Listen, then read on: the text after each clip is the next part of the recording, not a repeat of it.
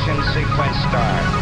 Five, four, three, two, one, zero. Quantum leap.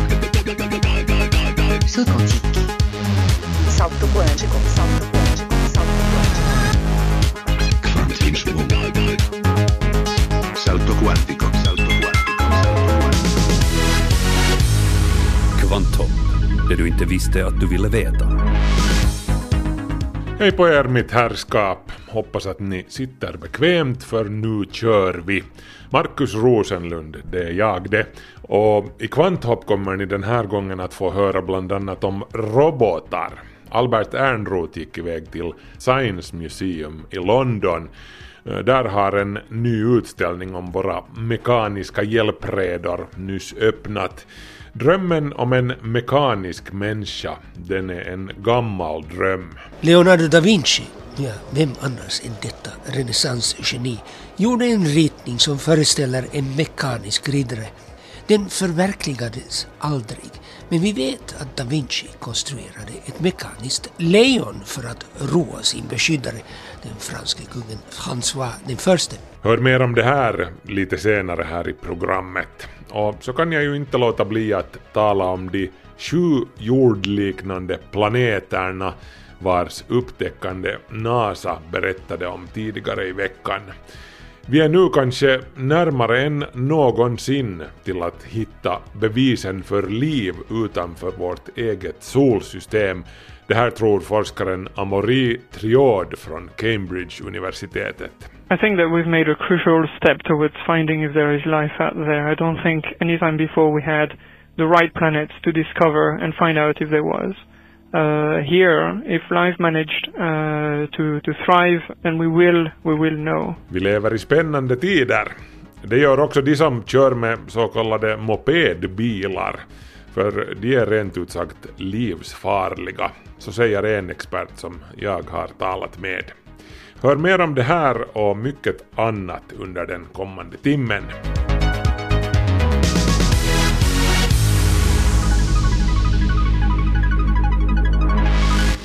Yle Vega.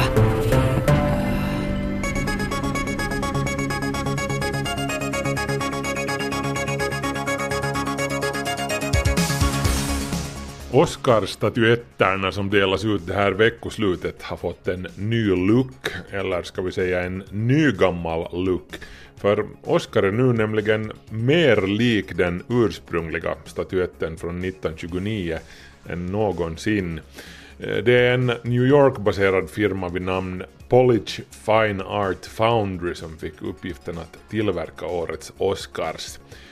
Tre månader tog det att färdigställa de 50 statyetterna. Företaget laserskannade den ursprungliga Oscarsstatyetten och 3D-printade en gjutform i vilken Oscar sedan stöptes i brons.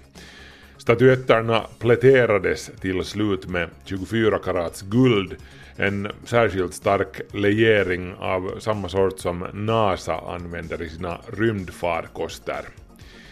Det är första gången på 80 år som Oscarsstatyetterna tillverkas i brons. Tidigare har de varit gjorda av en legering bestående huvudsakligen av tenn. Under andra världskriget, när metall var en bristvara, tillverkades de också av gips. Men nu är det alltså guldpläterad brons igen, som under Hollywoods gyllene era. Hollywood i all ära, men vill man se stjärnor så ska man rikta blicken in mot galaxens Manhattan, Vintergatans centrum. Där trängs inte bara stjärnorna, utan där finns också det väldiga supermassiva svarta hålet Sagittarius A, som galaxen roterar runt i praktiken. Sagittarius är likt andra svarta hål lite kameraskyggt. Det gömmer sig bakom ogenomträngliga ridåer av kosmiskt damm och gaser. Men nu ska Sagittarius A hur som helst plåtas med hjälp av ett världsomspännande virtuellt teleskop kallat Event Horizon Telescope. I praktiken betyder det här en mängd olika radioteleskop världen över som synkroniseras och tillsammans bildar de ett enda stort virtuellt teleskop.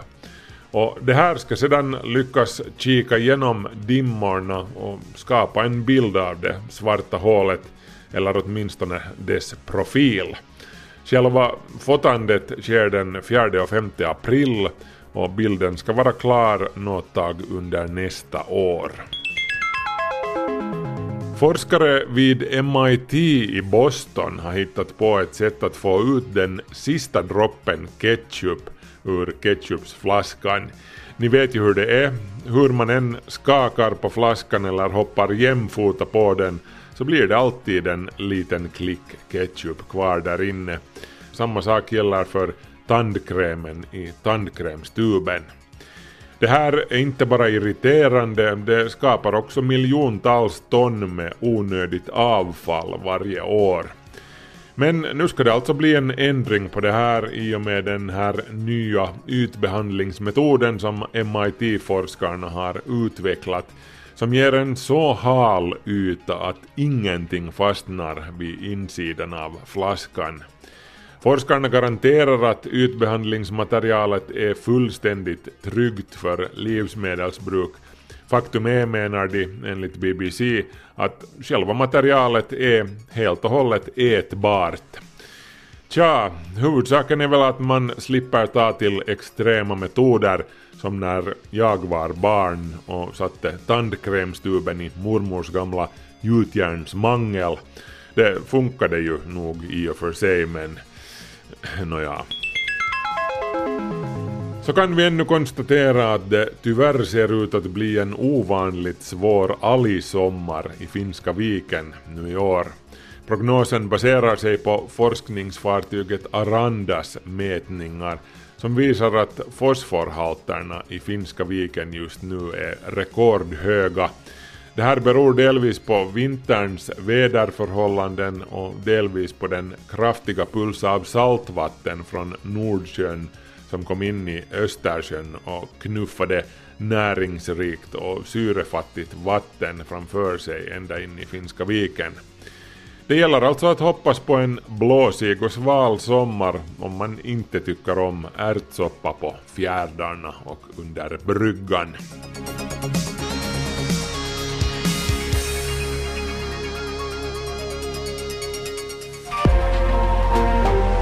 Vega. Science fiction-filmer har sedan, ja, sedan 50-talet åtminstone framgångsrikt presenterat robotar som antingen ett hot mot mänskligheten eller så intelligenta maskiner som kan rädda oss från rymdvarelser och ondskans makter och oss själva och vem vet vad. Men under den senaste tiden har många prominenta tänkare med fysikern Stephen Hawking, eh, entreprenören och uppfinnaren Elon Musk och Bill Gates i spetsen varnat för att artificiell intelligens utgör de facto ett enormt hot mot vår civilisation. Av allt att döma finns det alltså knappast en dödligare kombination än robotar och artificiell intelligens om man får tro de som tror sig veta.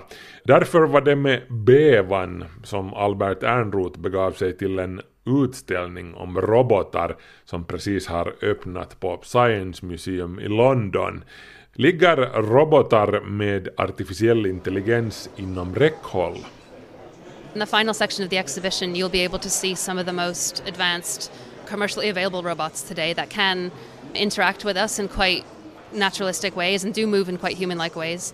What isn't achievable at the moment is creating a robot, as you see in science fiction, that's capable of flexibly achieving multiple goals. So things like, you know, making your coffee in the morning and then making your bed and then going and playing a game of chess with you. That sort of artificial intelligence doesn't yet exist. I science fiction-litteraturen och filmer framställs robotar ofta som intelligenta maskiner som ibland kan uppvisa skrämmande kapaciteter. Men Anna Darren försäkrar mig att en och samma robot fortfarande inte kan utföra flera olika uppdrag som att koka ditt kaffe, bädda din säng och sedan spela ett parti schack med dig. Nej, en genuint mångsidig humanoid robot existerar ännu inte, förklarar Anna, som är en av kuratorerna för utställningen Robots på Londons Science Museum. Sedan 1950-talet har vetenskapsmän, uppfinnare och amatörer försökt konstruera en humanoid, det vill säga en robot som i viss mån liknar en människa, har en grad av autonomi och kan interagera med oss på ett skenbart naturligt vis. We have this desire to build a robot that's capable of interacting with us in really lifelike ways. And in the 1950s was the first time people really started to explore how this might be possible. Leonardo da Vinci, ja, vem annars än detta renässansgeni, gjorde en ritning som föreställer en mekanisk riddare. Den förverkligades aldrig, men vi vet att da Vinci konstruerade ett mekaniskt lejon för att roa sin beskyddare, den franske kungen François den förste. Lejonet kunde ta några steg varefter ett hålrum öppnades och en bukett liljor uppenbarades. Liljor var den franska monarkins symbol. För åtta år sedan gjordes en rekonstruktion av lejonet men den visas inte i Science Museums utställning. Däremot får vi se en ganska imponerande 450 år gammal liten träskulptur som föreställer en spansk munk som kan gå, lyfta ett krucifix och slå sig på bröstet. Det här är ett tidigt exempel på en primitiv automat. Men det var först under 1700-talet som självgående maskiner blev riktigt populära. So what you'll see is the swan looks around. I think he preens himself, preens his feathers. He looks around over the back of him, and he comes down. You'll see the water moving in front of it. It's got these barley twist glass rods in front, so you get a smashing imitation of light. Utställningens paradnummer är Silversvanen som år 1773 byggdes av den belgiske urmakaren och musikinstrumentmakaren John Joseph Merlin. För övrigt så uppfann Merlin också en föregångare av dagens rullskridskor. Svanen, som alltså huvudsakligen är gjord av silver, konstruerades i naturlig storlek och det är den enda i sitt slag. När man vrider upp urverket vänder svanen på huvudet, böjer mycket elegant sin långa hals och putsar fjädrarna. Med hjälp av roterande glasstavar åstadkoms en effekt som påminner om strömmande vatten. Svanen sänker huvudet i vattnet och ser ut att fånga en av silverfiskarna. Det hela varar endast i 37 sekunder men lämnar ett bestående intryck och ackompanjeras av speldosmusiken vi hör här i bakgrunden. Music was perfect. Silversvanen är alltså en automat men Science Museums utställning fokuserar huvudsakligen på humanoider och androider.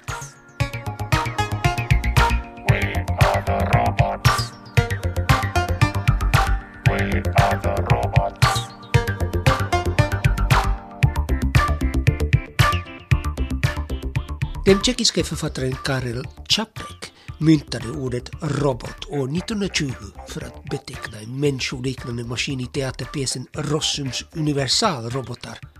Den tyske regissören Fritz Langs mästerverk Metropolis är en föregångsfilm inom science fiction-genren.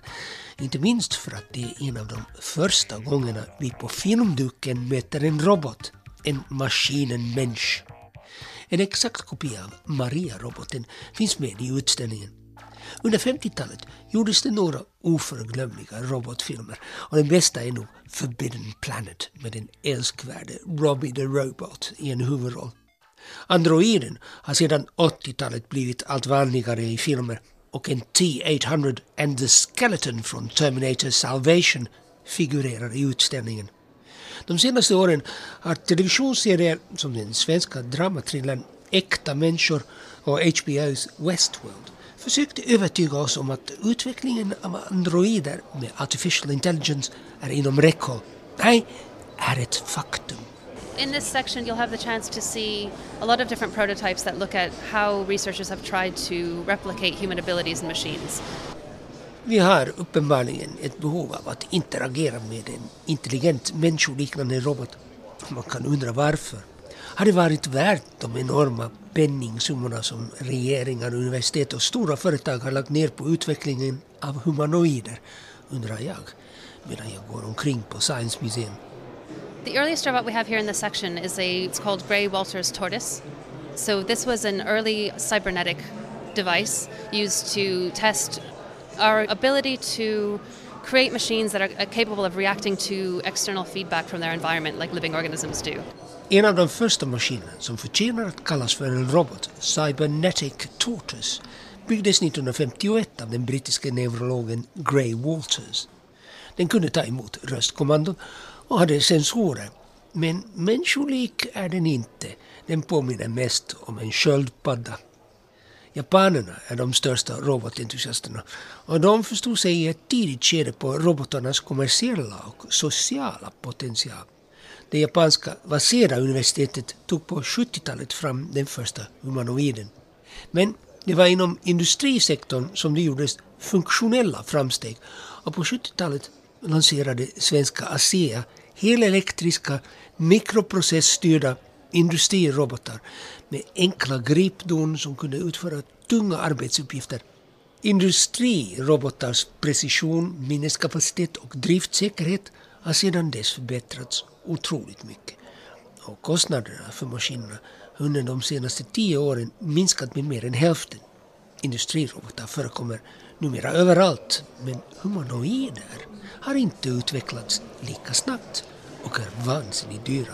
Here we have in the exhibition a series of robots that were built by researchers looking to try to replicate human anatomy. So, this idea that robots from the earlier periods, from the 1950s, those boxy robots that we see, mimic the human form externally in a very sort of boxy way. What they were interested in is trying to replicate the human physiology that lets us move in the way that we humans do. Forskare har länge, kanske allt för länge, fokuserat på att försöka återskapa människans anatomi och utseende. Det finns numera robotar som kan gå som människor. Och Kronos-prototypen har till och med en ryggrad och en mekanik som liknar mänskliga muskler och senor. Men vad tjänar apparaten till? Bil och motorcykeltillverkaren Hondas alla olika prototyper har alltid väckt stor uppmärksamhet och tredje generationens robotar som Asimo är självgående, kan navigera och utföra enkla uppdrag.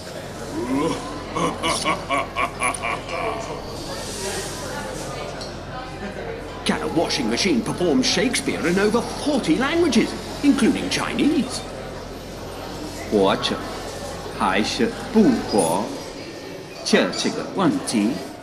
Vi hörde Robo Thespian som är en skådespelande maskin som kan citera Shakespeare på 40 olika språk och underhålla folk med förprogrammerade fraser, röstövningar och monologer. Jag befinner mig nu i ett utrymme med ett tiotal humanoider och däribland trumpetspelande Harry, dansande Nao, gulliga Pepper som också har uppträtt i Finland och den kusligt människoliknande androiden Kodomoroid som kan läsa upp nyheter.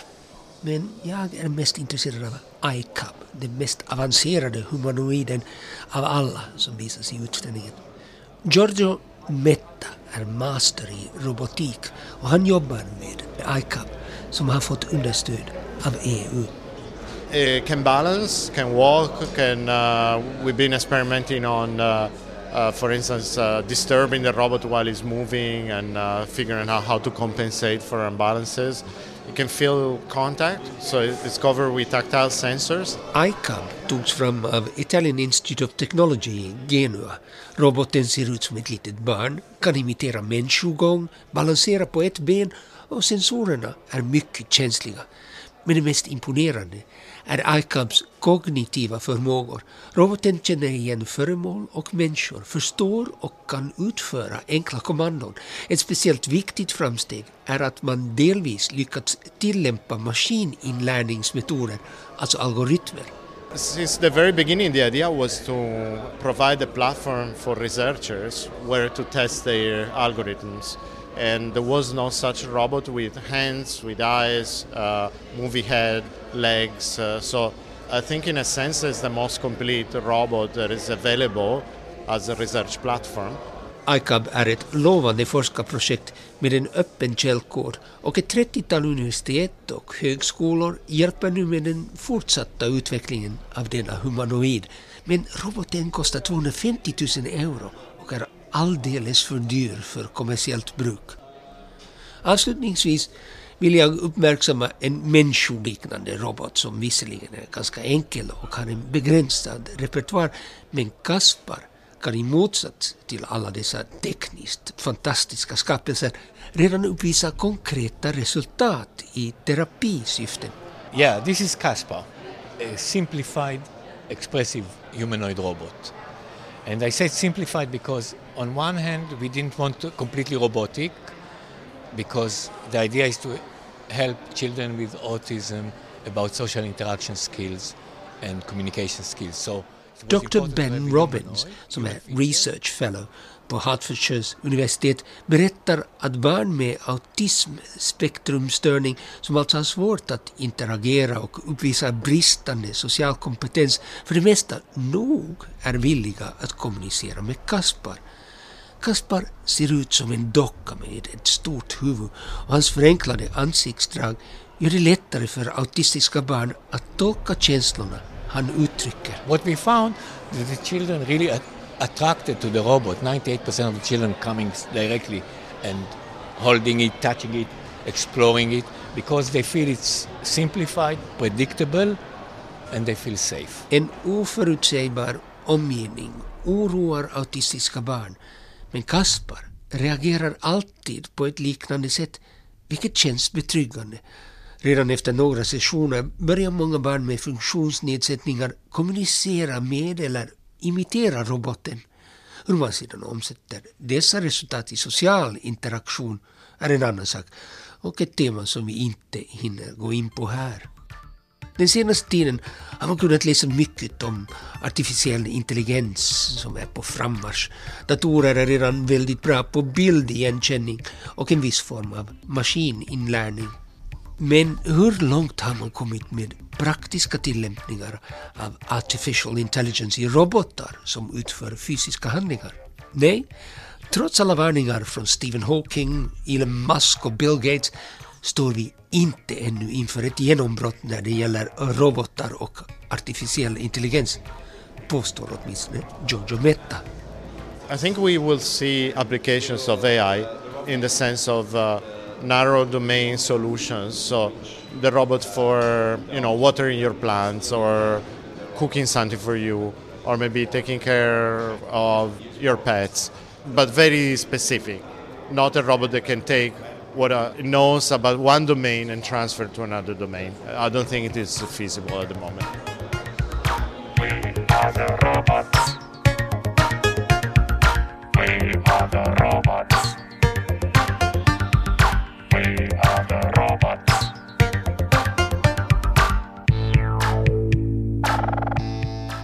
Under den närmaste framtiden kommer vi att se tillämpningar av artificiell intelligens inom mycket specifika, begränsade områden. Till exempel en robot som kan vattna blommorna, eller en som kan laga mat, eller sköta om husdjuren. Men en robot som kan kombinera kunskaper från olika områden och ta egenhändiga beslut förblir för närvarande en chimär. Det var Albert Ernroth som stod för det inslaget.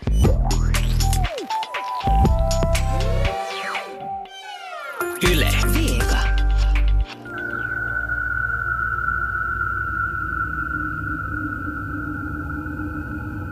De som lyssnade på Vega eftermiddag i onsdag så kanske noterade att jag kanske lät lite skeptisk och cynisk beträffande förväntningarna kring NASAs presskonferens senare på kvällen där de skulle berätta någonting inom citat häftigt.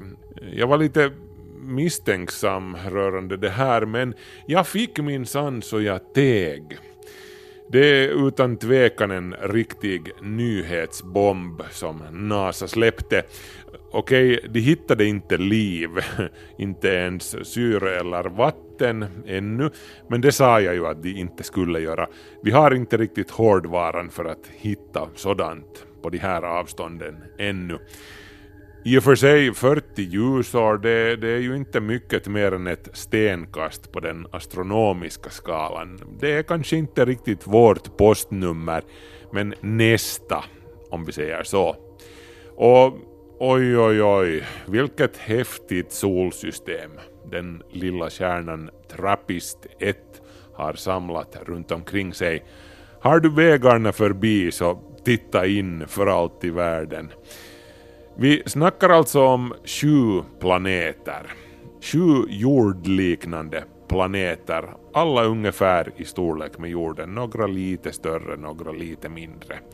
Och samtliga ligger på ett avstånd från sin sol som gör att temperaturen tillåter existensen av vatten i flytande form.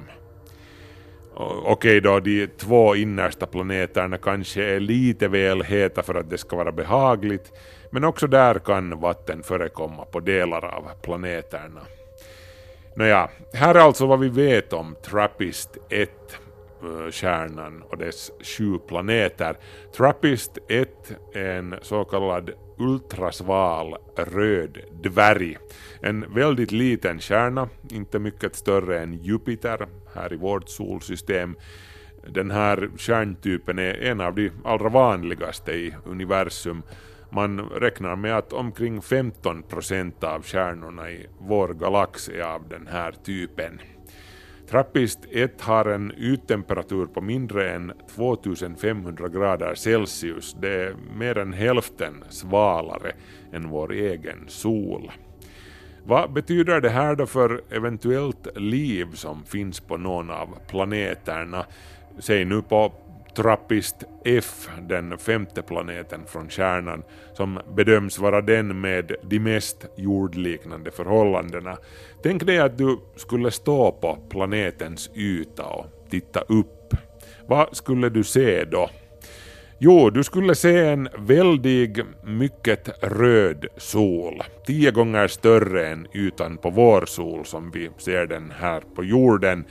Men du skulle inte bli bländad av Trappist 1, solen, säger Amaury Triod, forskare vid Cambridge-universitetet. The amount of light that you will receive in your eye would be something like 200 times less than what you have from the sun. So think of the amount of light that you receive at the end of uh, sunset, for instance. It's still much brighter than the moon, but dimmer than the sun. However, you will still feel quite warm because you still receive just about as much uh, energy from the star, which is in the infrared, and that you will uh, feel it uh, with your skin, uh, which is sensitive to infrared. Mängden ljus som skulle nå dina ögon skulle vara 200 gånger mindre än det ljus som du får från solen här på jorden. Men du skulle inte behöva frysa för det. Trappist 1 skulle hur som helst värma dig rejält eftersom största delen av dess strålning är på den infraröda våglängden, vilket vi uppfattar som värmestrålning. Vi skulle alltså känna solens värme mot vår kind, men vi skulle inte bli bländade av den. Ja, och sen var det det här med stjärnans färg. Yeah, we we had a debate about that. Uh, I think uh, we, we expected uh, originally that it would be extremely red, like a deep uh, crimson, but uh, in the end, the star is so red that most of its light is in the infrared, so we our eye doesn't see it. So we'll see something more uh, salmony, maybe. Um, Amaury Triod säger att forskarna tvistade om det här med kärnans färg. Till en början antog man att den skulle kunna se mörkröd ut. Men största delen av ljuset från stjärnan är infrarött så den delen som man ser skulle snarast vara någonting i stil med laxrosa, tror Triod. Men solen, Trappist 1, skulle inte vara den enda spektakulära synen i skyn. spectacle would be uh, beautiful because every now and then you would see another planet, maybe about as uh, big as twice uh, the moon in the sky, depending on which planet you are and which planet you look at. Uh, on TRAPPIST 1F, I believe the star has a diameter which is three times that of the sun seen in the sky, so the area is about 10 times that of the sun. Ett fantastiskt skådespel skulle utspela sig i skyn på Trappist F. Med jämna mellanrum skulle enorma planeter glida förbi, upp till två gånger större än vår fullmåne sedd härifrån jorden. Och själva solen skulle alltså motsvara tre gånger vår egen solskivas genomskärning, tio gånger dess yta. Och det verkligt fina här, om du är en soldyrkare, skulle ju vara att solen aldrig skulle gå ner. Planeterna i trappistsystemet är sannolikt gravitationellt låsta till sin sol på grund av de starka tidvattenskrafterna som uppstår eftersom de befinner sig så nära sin sol. De vänder alltså alltid samma sida mot solen, precis som vår måne alltid vänder samma sida mot oss här på jorden. Med andra ord, solen skulle hänga där på sin plats i skyn och den skulle inte flytta på sig. Eh, vad betyder det här då i praktiken för klimatet på planeterna i Trappist-systemet? Ta nu Trappist F igen som exempel. Är det stekhett på den sida som är vänd mot solen och permanent istid på den andra? Eh, inte nödvändigtvis Förutsatt att planeten har en tillräckligt tjock atmosfär, säger doktor Michel Gillon vid universitetet i Liège i Belgien. It is still able to efficiently uh, transport the heat from the day side to the night side. So you don't have, uh, you have of course the night side which is a bit colder, but not as cold as uh, it would make uh, the, the whole atmosphere collapse and uh, on the on the surface, and uh, it would uh, uh, make impossible habitability. So you have just a thermal gradient, but it's not catastrophic for life. Värmen från solsidan kan via atmosfären överföras till nattsidan på så sätt att den fortfarande kan vara beboelig. Nattsidan alltså. Det är kallare än på solsidan, det är ju självklart, men inte så kallt att själva atmosfären kollapsar eller någonting. Men i ärlighetens namn så är det ännu rätt lite vi vet om trappistplaneternas atmosfärer. Vi vet att själva planeterna är e, små stenplaneter och inte gasjätteplaneter i stil med Jupiter eller Neptunus. Den här sortens små stjärnor tycks föda små planeter snarare än stora gasjättar. Som sagt, själva kärnan, Trappist 1, är inte mycket större än Jupiter här hemma i vårt eget solsystem. Bilden av trappistplaneternas atmosfärer kommer att bli klarare under de kommande åren, speciellt då forskarna får tillgång till nya superteleskop som James Webb rymdteleskopet som enligt planerna ska tas i bruk nästa år.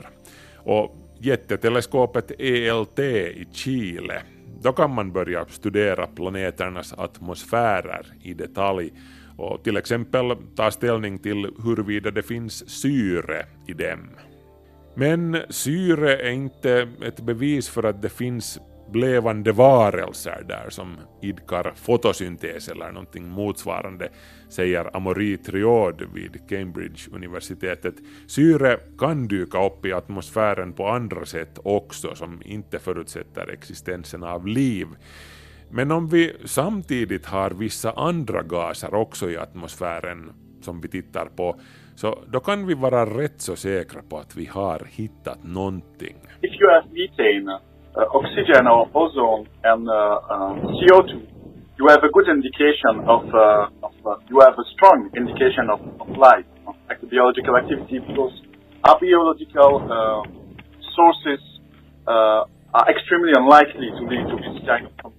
Vissa kombinationer av metangas, syre eller ozon och koldioxid uppkommer bara om det finns liv i faggorna.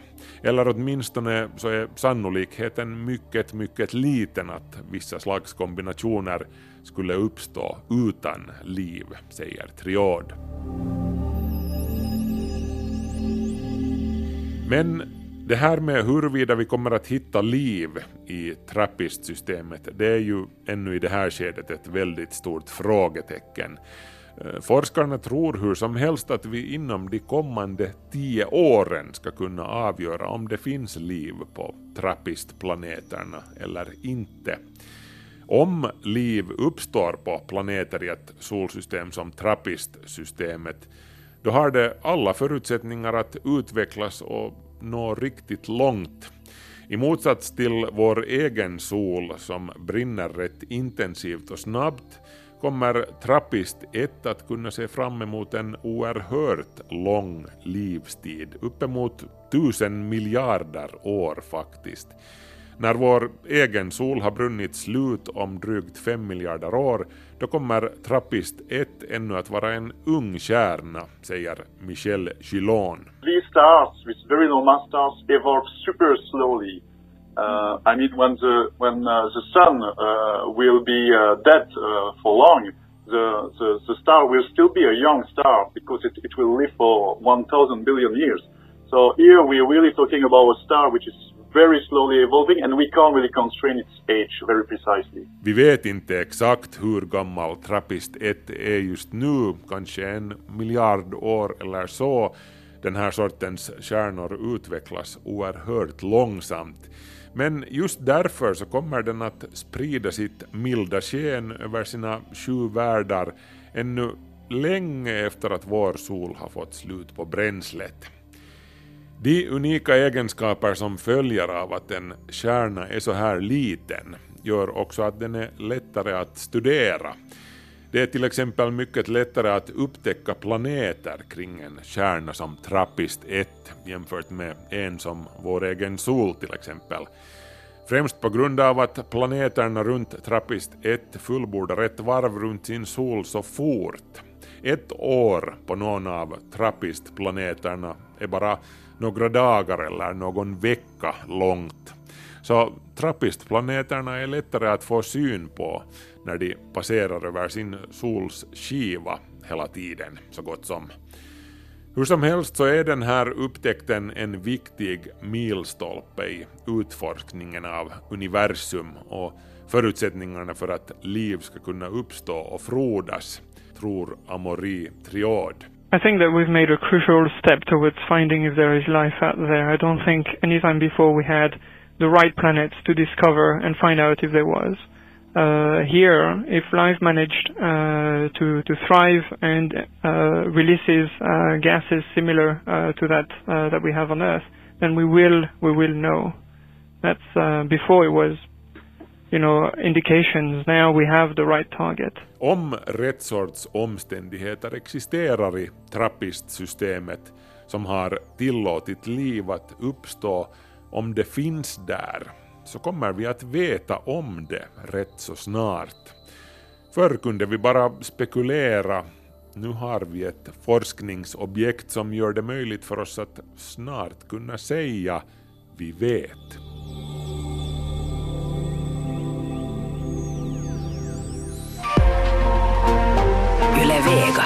För att få tillstånd till att sälja en personbil på marknaden måste biltillverkaren bevisa att den är trygg med allsköns krocktester och bilen måste också vara försedd med all världens säkerhetsutrustning inklusive krockkuddar och ABS-bromsar. Men annat är det med mopedbilarna, de här små lätta sakerna som du får köra när du har kommit upp i mopedåldern. De ser ut som bilar men de är säkerhetsmässigt på ett helt annat plan, ett betydligt lägre plan än riktiga bilar. Låt inte utseendet lura dig, säger bilskolläraren Åke Eriksson på Granit trafikskola. Mopedbilarna kan i värsta fall vara livsfarliga, speciellt när de kommer ut på de stora vägarna.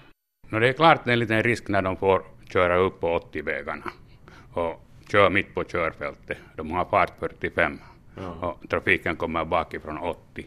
Ja. Får de göra det?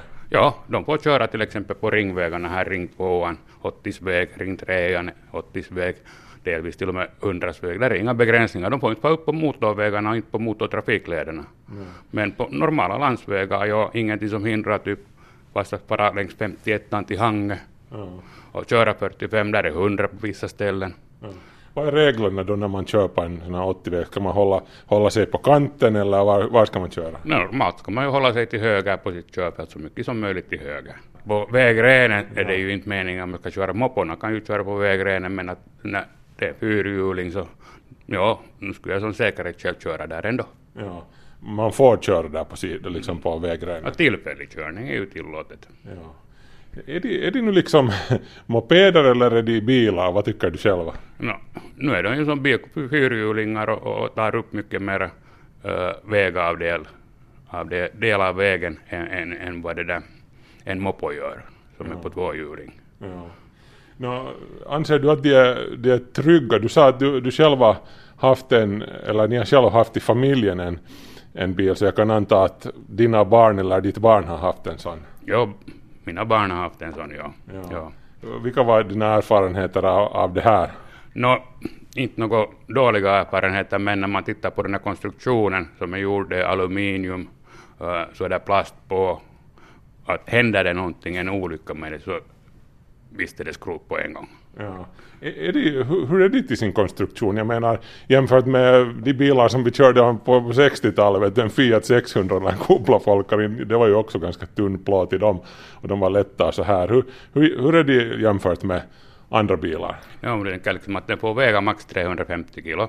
Då kan det inte finnas någon plåt inte. Nej. Och konstruktionen kan inte vara något järn eller något, något stadigare, utan det är aluminium som är, är hela karosseriet och så är det plast på stor del så är det limmat fast. Ja. Att de inte är skruvar utan de är limmade fast på den här aluminiumchassisen och, och Ja. Händer det en olycka så är det kommer alltid famnen. Det kommer motorn in och de är ju inte fast, motorn är fastsatt med lite tunna fyra, är det fyra eller sex stag som den är fast med. Att det, Ja. De är nog liksom, ska vi säga, som vid olyckstillfälle så är de ju livsfarliga. Ja. Men du menar alltså att man, kör man där på Ring 3 eller vad man kör- nu kör på 80 område och, och, och råkar i en olycka så, nu, så det går kanske inte så bra då? Uh, nej, nej. Nu är, nu är ju byggnaden av den bilen, nu är den, nu är den så lätt att det där träffas det av en, en, en större, tyngre. Det är klart man tänker massaskillnaden. Moppobilen väger 350 kilo, personbilen 1500 kilo. Träffar de varandra så vet man hur det ser ut. Mm.